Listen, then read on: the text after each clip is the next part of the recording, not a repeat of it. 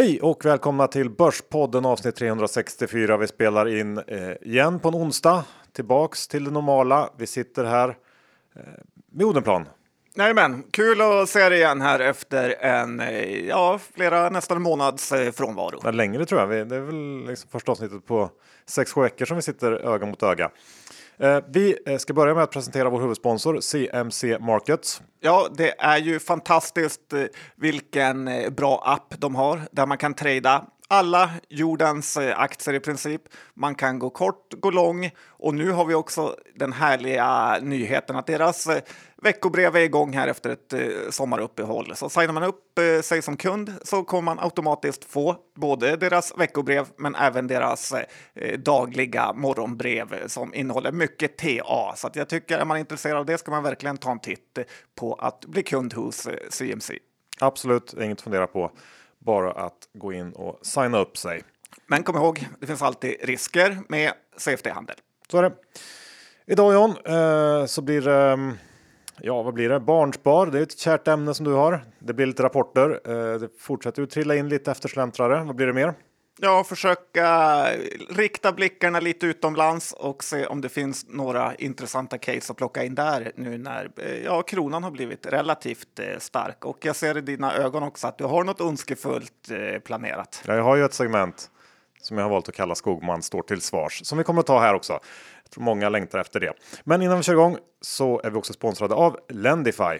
Ja, och det är ju otroligt bra att ha ett eh, sånt här konto nu när börsen har skenat. Eh, så kan man eh, flytta över lite pengar dit med en stabilare avkastning som man får. Vi har köpt här flera konton på andrahandsmarknaden som är ju fantastiskt att man både kan gå in och ur Lendify om man vill öka eller minska sin exponering där. Eller hur Johan? Ja, det är väl ett ypperligt läge att bygga upp en liten buffert inför eventuella nya börsras längre fram. Så att gå in på www.lendify.se Borspodden om man vill ta del av vår eh, bonus. Eh, eller man ska säga, det är 500 kronor extra insatt på ditt konto om du stoppar in minst 20 000 kronor och sen investerar dem. Bra ja. start på Lendify sparandet. Ja, och sluta säg www innan. Ja, vad dumt. Johan Dr. Bass Isaksson, vi har index i 70 1986 och börsen är fenomenalt stark. Det går inte att bryta ner den. Nej, börsen har fått ny kraft igen, dragit iväg uppåt under veckan här som gått. Som du sa, oerhört starkt och känslan är ju att man går, eller vi går mot någon typ av blow-off topp framöver. Och sen är ju rapportperioden också mer eller mindre över med, eh, man får ändå säga då bra Q2 om än väldigt dopade i ryggen. Så då, med det så känns det väl också som att de flesta orosmolnen för tillfället är undanröjda och um, ja, vi får blicka framåt. Även om jag tror kanske att det kan bli lite tuffare för bolagen att prestera under under Q3 och Q4.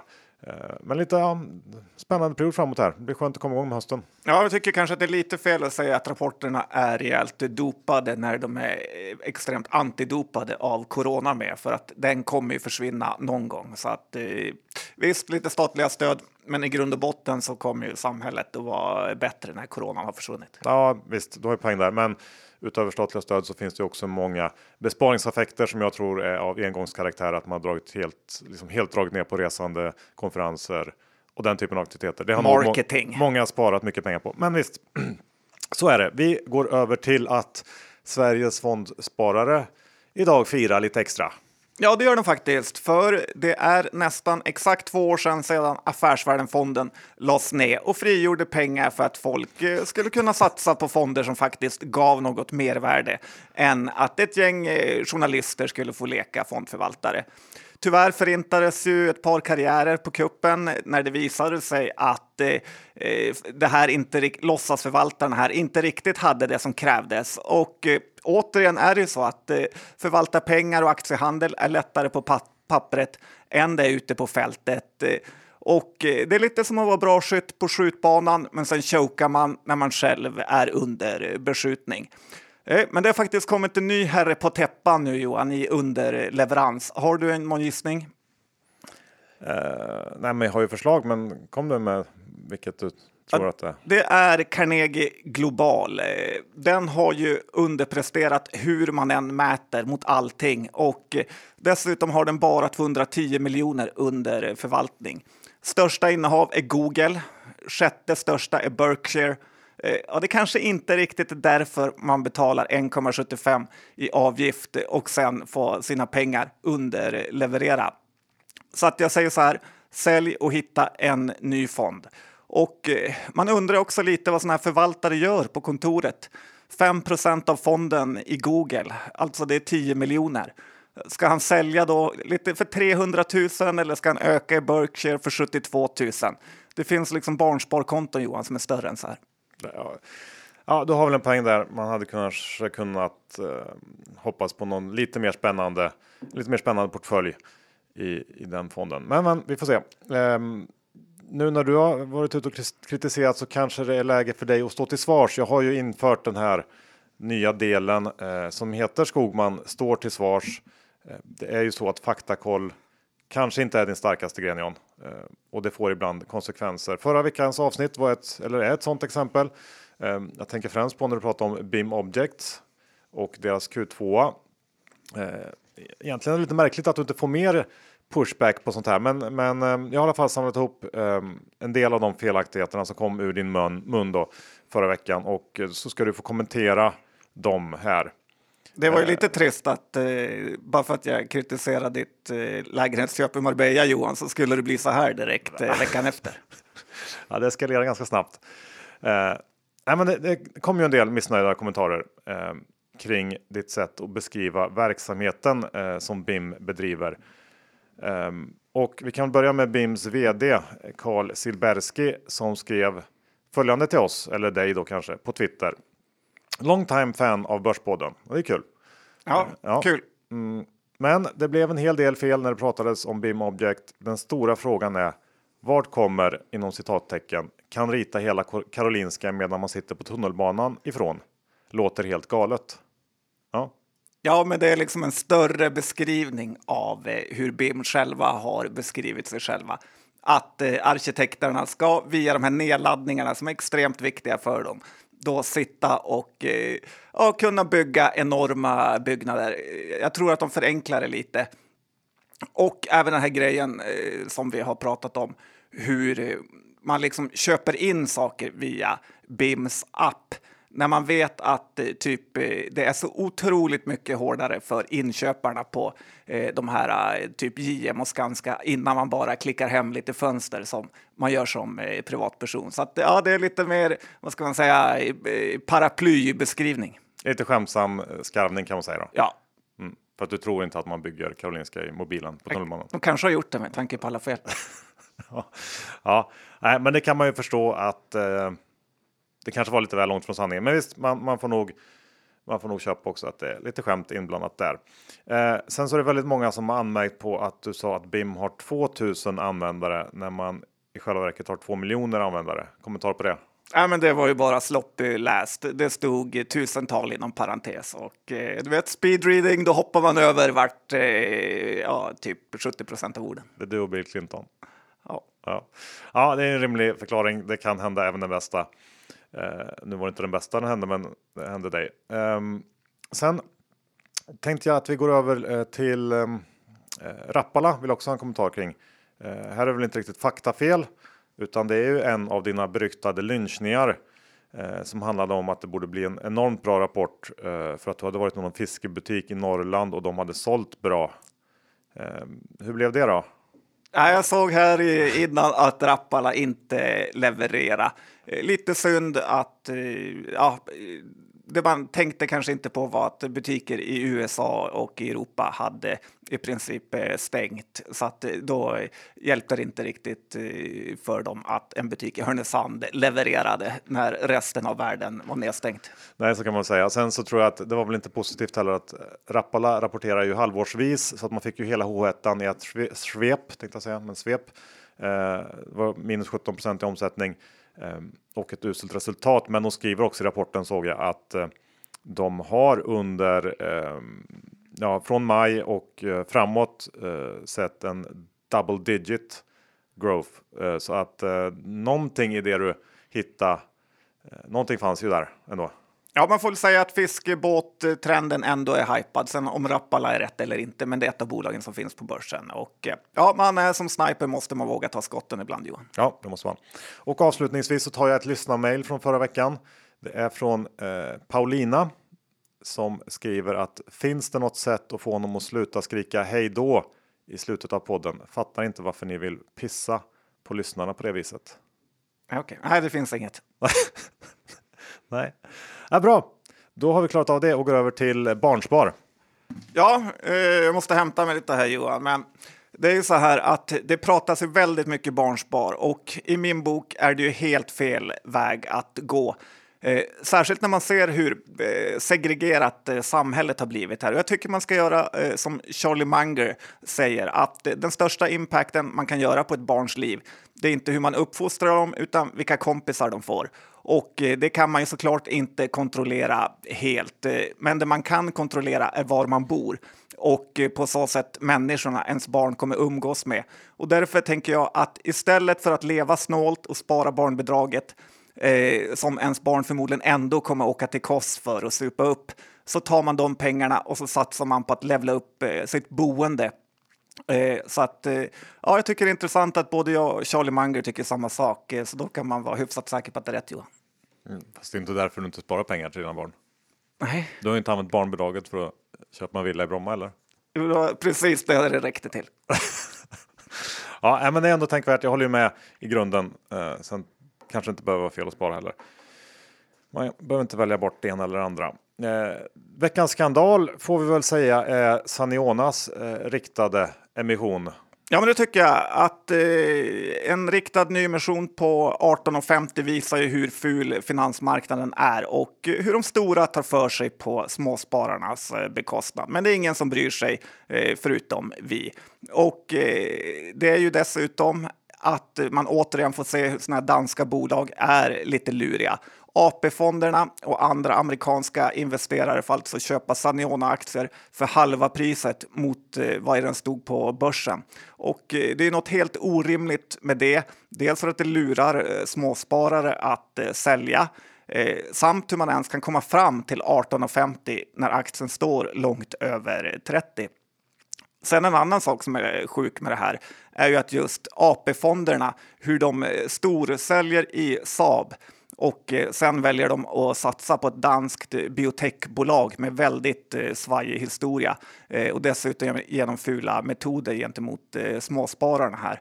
Så att ja, visst, aktien har repat sig och alla är glada. Men jag kan ändå inte förstå varför det ska vara okej okay att ge bort pengar till storfinansen. Nej, jag håller med. Det känns ju i det närmaste brottsligt. Vi avslutar första delen med eh, dilemmat, eller ett av dilemmana med att vara trader. Ja, det är ett fint ord här för att vara med i den här podden. Men eh, eh när man sitter som oss traders eh, ihop och eh, kör eh, eh ja, separata konton för sig själva, men på något Eh, sätt ändå jagar i grupp eh, så blir man lite som såna här Wolfpacks. Eh, det är ett komplicerat samarbete där man måste dela med sig samtidigt eh, som man såklart också måste look out for number one som de säger i USA, alltså sig själv. För i slutet av dagen så spelar det ingen roll för mig hur mätt du är om jag fortfarande är hungrig, om ni förstår vad jag menar. Men delar man ingenting heller så vill ingen sitta med en slash jaga med en och då kommer man förlora på det eftersom det är mycket svårare att jaga själv. Och mest uppenbart eh, blir det kanske i kolen på morgonen när man ska försöka hitta saker och eh, göra och volymen är begränsad. Eh, så vill man kanske inte ha någon annan med sig samtidigt som man heller inte kan ljuga för det är både oschysst och uppenbart för rutinerade vargar. Så att eh, man får helt enkelt eh, känna av stämningen lite grann genom att fråga vad tycker du om eh, ja, den här aktien? Och så får man lyssna lite om svaret ger några nyanser där. Och jag tycker man kan jämföra det lite med hur tjejer pratar med varandra, Johan. Att om en tjej säger så här, ja men jag tycker hon är jättesöt, så drar man ju ner förväntningarna direkt, för man vet att det är något lurt. Men hör man istället, jag tycker inte hon är så snygg, jag förstår inte vad alla ser ja, då vet du att det här ska, det börjar bli all in-läge här. ja. Ja, du har eh, helt klart poänger. Vi börjar första delen John med eh, din genomgång av eh, bolag som det kan vara värt att titta närmare på eller som man ska akta sig för här framöver nu när rapportperioden börjar ta slut. Vad har du kommit fram till? Ja, men det kan vara läge med en snabb genomgång eh, som sagt här utan att dyka för djupt. Eh, och eh, om vi börjar med de bolagen man kanske ska passa sig för eh, så är det ju de som eh, har kontorslokaler, men kanske också de som sköter om dem. Eh, till exempel Core som eh, då eh, rattar kontor. Går det inte åt något toapapper, de behövs inte städas lika ofta, inga fruktkorgar, eh, inga vattenmaskiner eller kaffemaskiner som ska fyllas på. Där tror jag att man har svaghet. Duni känns också lite läskig med tanke på galningarna till politikerna som funderar på att hitta på det här med take away-skatten. Eh, känns ju kanske omöjligt att fixa, men eh, bara tanken på det får ju en att eh, vilja akta sig för Duni. Hyrläkarbolagen eh, som har avtal mot landstingen där de måste leverera folk enligt eh, avtal samtidigt eh, som det ändå känns som att priserna på hyrpersonal lär ha skenat. Eh, eh, så den sektorn då med NGS och Dedicare som är på börsen skulle verkligen kunna hamna i kläm mellan kunder och personal. Eh, lite roligare då, vad man ska köpa. Eh, det känns ju, sägs ju att det är bra tryck på att köpa sommarställen och att folk vill bygga altaner. Eh, och då kanske det lånas pengar och då behövs det kreditupplysningar. Och då har vi Bisnode i Ratos här som eh, skulle kunna ha en rejäl skördetid. Jag tycker den här juridikfirman Karnov som är lite undersnackad, man hör inte mycket om den, eh, som man kan väl kanske säga att det är juridikens holdings eh, borde också ha möjligheter då alla jobbar hemifrån och de ligger långt fram i digitaliseringen. Så att jag antar att de har lite guldläge nu. Lite problem med deras försäljning av fysiska böcker, eh, men den delen lär väl ändå värderas lätt rätt lågt i bolaget och stod bara för 20 procent av försäljningen här. Så att jag tycker Karnov kan vara något att kolla på. Där har man ju också om man vill eh, bredda sig lite i Finland det här som tidigare hette Asia Castieto, något sånt. Jag tror de har bytt namn nu, men det är lite som ett Bisnode i Finland. Ja, jag tror att de bolagen kan eh, vara något att ha faktiskt. Mm. Eh, har väl ingenting att säga emot där, utan eh, rimliga spaningar. Då kan vi gå in på Millicom Eh, Eh, den hårt coronadrabbade operatören eh, i Latinamerika. De eh, kom med sin Q2 för några veckor sedan. Vi har inte hunnit ta upp den. Siffrorna var väl ungefär i linje med förväntningarna och höjdpunkten var förutom ett starkt kassaflöde att juni var bättre än både april och maj. Även om aktiviteten fortfarande är klart under nivåerna från innan corona och kontantkorten har också börjat återhämta sig. Abonnemangsaffären har stabiliserats Eh, och Millicom har som en konsekvens av den här krisen tvingats bli betydligt mer defensiva. Så förvärv finns inte längre på kartan eh, utan nu ligger fokus på kassaflöde och få ner skuldsättningen och eh, jag tycker ändå det kändes som att rapporten var ett steg i rätt riktning och om inget oväntat hände med nedstängningar och sådär så borde verksamheten långsamt kunna återhämta sig och därmed också aktiekursen som fortfarande är ner med över 40% i år. Och idag rör det lite på sig i sektorn med eh, Liberty som är inne och budar på Sunrise eh, eh, i Schweiz. Det är väl bra för sentimentet även om det inte finns någon helt klockren eh, read-through där. Men eh, ja, jag tror ändå att Millicom är ett okej okay bet eh, härifrån. Ja, det tror jag också att det är och eh, om det inte var för långt bort och för svajigt så hade jag nog köpt aktier. Nu avstår jag. Mm. Eh, vi kan fortsätta med bolag som eh, finns på, på andra platser. Ahold, gamla ICA-ägaren. Jajamän, holländska ICA och eh, de rapporterade en superrapport här eh, och det är såklart också en coronavinnare likt våra egna ICA och Axfood här hemma. Eh, men vi har ju länge talat om att det är mycket billigare att eh, köpa Ahold än både Axfood och ICA. Albert Heijn heter väl kanske deras mest kända kedja som är väldigt stora i Holland och eh, väldigt fräscht, fräscha butiker skulle jag säga. Eh, dessutom har de ganska så stor del i USA och eh, tycker det var lite intressant att deras onlinehandel i USA var upp 127 procent och i Europa eh, 64. Så de verkar verkligen hänga med i det racet. Eh, Ahold är ju ungefär dubbelt så stort som både Ica och Axfood ihop eh, men också mycket billigare här. Så att vill man satsa en slant på livsmedelssektorn så tycker jag att det här är ett väldigt intressant case. Fin utdelning också med nästan 4 procent. Ja, eh, tack för det. Vi går över till Danmark, för där har vi någon slags triss i omvända vinstvarningar från veckan som har gått. Eh, vi kan börja med den här eh, nyblivna värdemaffia-favoriten AOJ. Eh, den aktien har ju gått som ett skott på börsen och förra veckan så gick man också ut med en omvänd vinstvarning.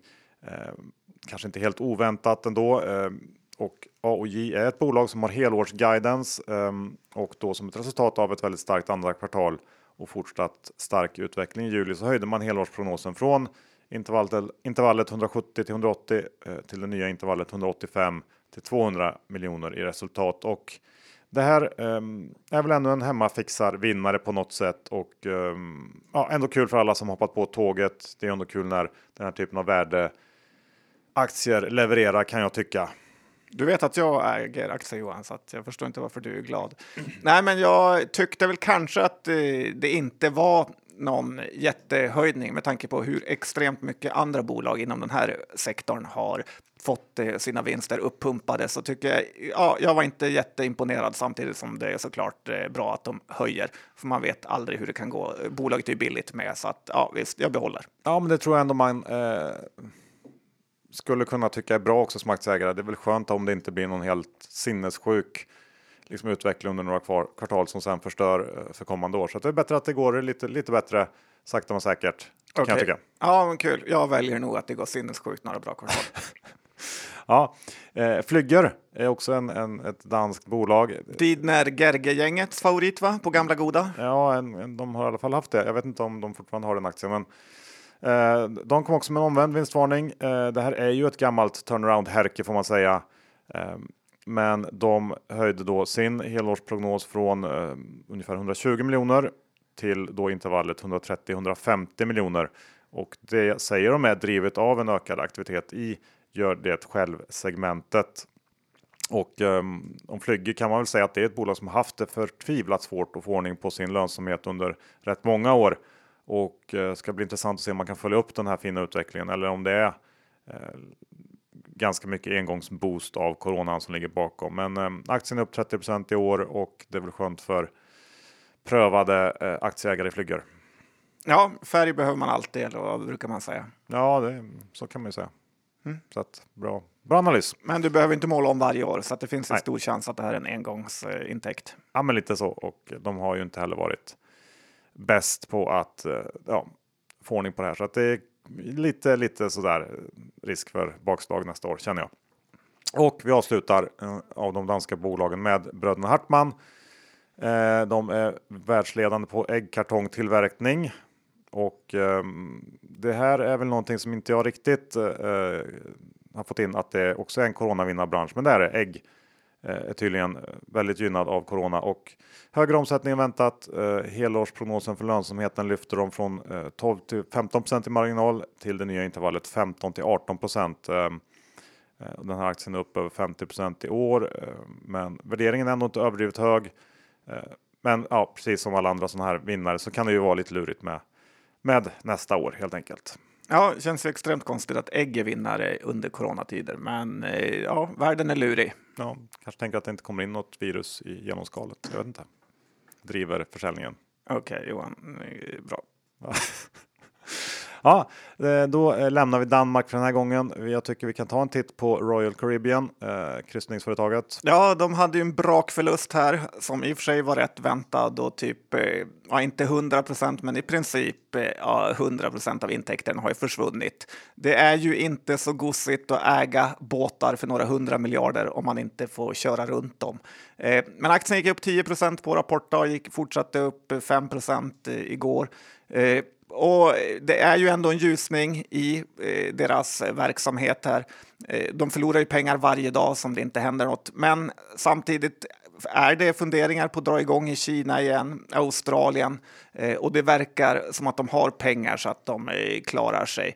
I konfkålet snackar de också om eh, vilka förändringar de gör långsiktigt för att minska sådana här utbrott. Och eh, det brukar ju vara magsjukutbrott och liknande på sådana här fartyg. Så att, eh, ja, de kanske lär sig något och det blir ännu krispigare att åka iväg. Eh, för övrigt var ju konfkålet det eh, värsta jag någonsin hört i analytiker som pratar om put color on olika saker.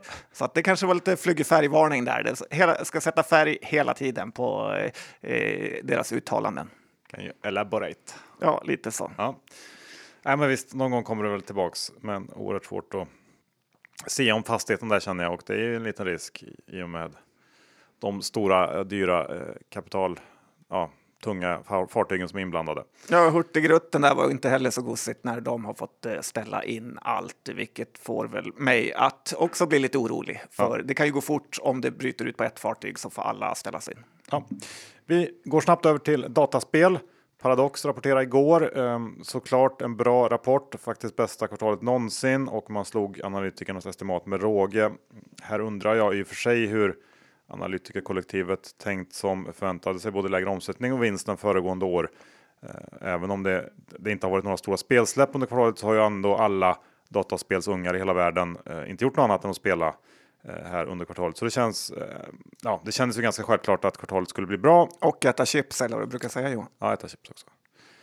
Men i övrigt ehm, så meddelar man väl också att det här vampyrspelet Bloodlines 2, det försenas till 2021. Jag såg en del skrev att det var väntat, men jag tycker ändå att man får lite dålig magkänsla av spel som försenas. Ehm, känslan, min känsla är väl att man inte får till spelet riktigt och hela tiden måste hålla på och putsa och ändra på det. Men sitter det inte från början så tror inte jag det funkar. Det är lite sån känsla jag har att det är svårt att eh, ordna till någonting som inte riktigt lirar från början. För det är ju lite av en någon slags konstform eller vad man ska säga. Det är ju eh, ja, inga solklara lösningar på hur man får ett spel att bli en hit. Nej, och eh, när man tittar i rapporterna så ser man ju vilka otroliga mängder spel det finns och att eh, det är, konkurrensen kommer ju inte minska i framtiden. Eh, så frågan är vilka multiplar man ska våga betala upp för sådana här bolag. Och som, som, du sa, det är ju en grotesk coronavinnare med. Så att, nej, jag förstår att aktien går ner. Ja, och precis som du säger, det var ju så oerhört väntat så att det spelar ingen roll med hur mycket man slår estimaten egentligen i en sån här rapport. Aktien var ner igår och eh, den är upp 60% i år eller något sånt. Det känns väldigt rimligt tycker jag med en paus eller till och med en, en ett dropp härifrån en bit ner kan jag tycka. Då eh, går vi över till, jag har varit eh, lite för positiv tycker jag generellt i avsnittet så jag vill höra någon eh, något bolag som eh, du är riktigt negativ till. Kan jag få det John? Ja, men då ska du få kanske börsens bästa blankningscase, Johan. Jag var ju här i Dalarna några dagar och reste igenom de här städerna Mora, Falun eh, eh, och kan meddela dig att det inte ser så gosigt ut för Diös. Framförallt var Falun var nog butiksdöden det uppenbaraste jag har sett någonsin faktiskt. Förmodligen lite av en så början på början. Många, idös, eh, många dösskyltar om lediga lokaler och problemet är att när en butik försvinner så är det ju lätt att butiken bredvid också försvinner. Och så fort ett område eh, blir dött så är ju köpcentrumet helt dött och ingen vill åka dit. Sen kommer det ju en punkt eh, som förmodligen är på ganska hög beläggning ändå, men att fastigheterna nästan blir olönsamma. Eh, och då blir de ju också helt osäljbara på den riktiga marknaden. Eh, så att när de värderar fastigheterna i sådana här analyser så använder man ju mest kontraktslängd. Men en butiksfastighet i centrala Falun som står tom, eh, men där man kanske fortfarande får hyra på grund av att kontraktet eh, löper på till H&M eller liknande, är förmodligen inte värt eh, så mycket alls, eh, trots att den kan vara upptaget till en hel del i eh, balansräkningen. Och när fastigheterna blir tomma så blir det ju bara en kostnad. Så att, eh, nej, tyvärr, Diös är nog ett av de bästa blankningscasen vi har på börsen just nu. Ja, nej, men absolut. Jag förstår och håller med om riskerna i det caset. Um, mm, på det. Um, ska vi titta på Storytel? Ja, det är ju ett av börsens mest hypade bolag ja. och eh, ja, kanske inte mest köpvärt heller. Jag har aldrig riktigt fattat storheten med Storytel och eh, det har ju varit dumt för det har ju varit en monster liksom, vinnare sista åren. Um, men igår kom de i alla fall med sin Q2. Uh, den var i linje med förväntningarna, men Eh, med en svagare prognos då gällande intäkter och abonnemang eh, än väntat. Och det var väl just den punkten som fick aktien på fall under gårdagen. Eh, det var marknaderna utanför Norden som underpresterade, lägre konverteringsgrad på nya prenumeranter och det är klart att om man har ett börsvärde på 16-17 miljarder och omsätter eh, lite drygt en miljard här under första halvåret samtidigt som det sprutar ut pengar ur bolaget så, så bör ju aktien vara ganska känslig mot missar och om det inte vore för att man börjat aktivera kostnader så hade ju också förlusten varit betydligt större i år än föregående år. Nu är den ju redovisat lite lägre, men eh, ja. Eh, sen så, så något jag funderar lite på när det gäller Storytel är väl ändå eh, om man tittar på hur Daniel Ek och Spotify agerar så verkar de vara betydligt mer intresserade av poddar än ljudböcker och jag vet inte eh, hur mycket man kan säga om det, men jag vet i alla fall vilket lag som jag skulle joina Eh, i det racet på något sätt. Eh, jag är oerhört tveksam eh, till Storytel, i alla fall på de här nivåerna. Ja, det är också. Det är samma poänger. De flesta böckerna eh, säljer ju i princip ingenting, utan det är bara några tusen och det gäller förmodligen antalet lyssningar med. Sen finns det inga stordriftsfördelar riktigt i och med att böcker är på olika språk som det gör med musik. Och, eh, det, ja, jag kan inte förstå hur man kan eh, betala upp det här för Storytel. Men så har jag inte tjänat några pengar på uppgången heller, så det är inte mer än rätt åt mig. Så det. Och det har inte heller Warren Buffett gjort. Han har inte haft några aktier i Storytel. Nej, det har det inte gjort, men en aktie som han har verkligen satsat på nu är ju Bank of America med tickern BAC och och eh, ja, även fått tillstånd av myndigheterna att köpa mer. Och jag tänker så här efter förnedringen med airlinesen, alltså flygplanen här, så kan han väl inte misslyckas igen och därför borde man nog ta rygg på Warren här och köpa lite Bank of America. Den står i 27 dollar nu. Den stod i 34 innan coronakrisen. Eh, så eh, ganska lågt värderad P-tal på 11. Delar ut ja, 2,7 procent. Eh, det sägs att amerikanska banker ska vara i ganska så bra skick här sen efter eh, finanskrisen. Dessutom får man ju det här dollartappet som har varit rätt rejält eh, sista tiden. Så att jag tror att köpa Bank of America långsiktigt så kommer man vara plus någon gång. För eh, Warren kanske gör ett fel, men han gör inte två i rad.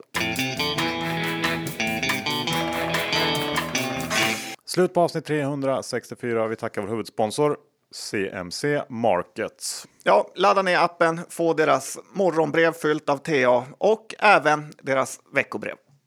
Absolut, gör så och glöm inte heller bort detta enorma utbud av ETFer de har. Eh, snackar mycket om eh, utländska aktier i veckans avsnitt. Eh, ETFer är ett bra sätt att ta del av många eh, utländska marknader. Vi ska också tacka Lendify. Gå in på lendify.se Börspodden om du vill komma igång med ett eh, alternativt sparande till börsen. Kan vara bra att bygga upp en liten buffert nu när börsen rusar så att man ha lite vid sidan om om det skulle behövas. Ja, perfekt att få lite månatliga utbetalningar. Ja, och John, eh, innehavsredovisning. Eh, tror inte att jag har någonting av det vi pratat om. Nej, så är det. Nej, jag har lite A och J som eh, du pratade om faktiskt. I övrigt inget jag själv eh, pratar om. Hej, trevligt. Då får vi väl eh, tacka för den här veckan. Tack för att ni lyssnade. Vi hörs om en vecka igen. Hej då! Det gör vi. Ni vet vad som kommer. Hej då!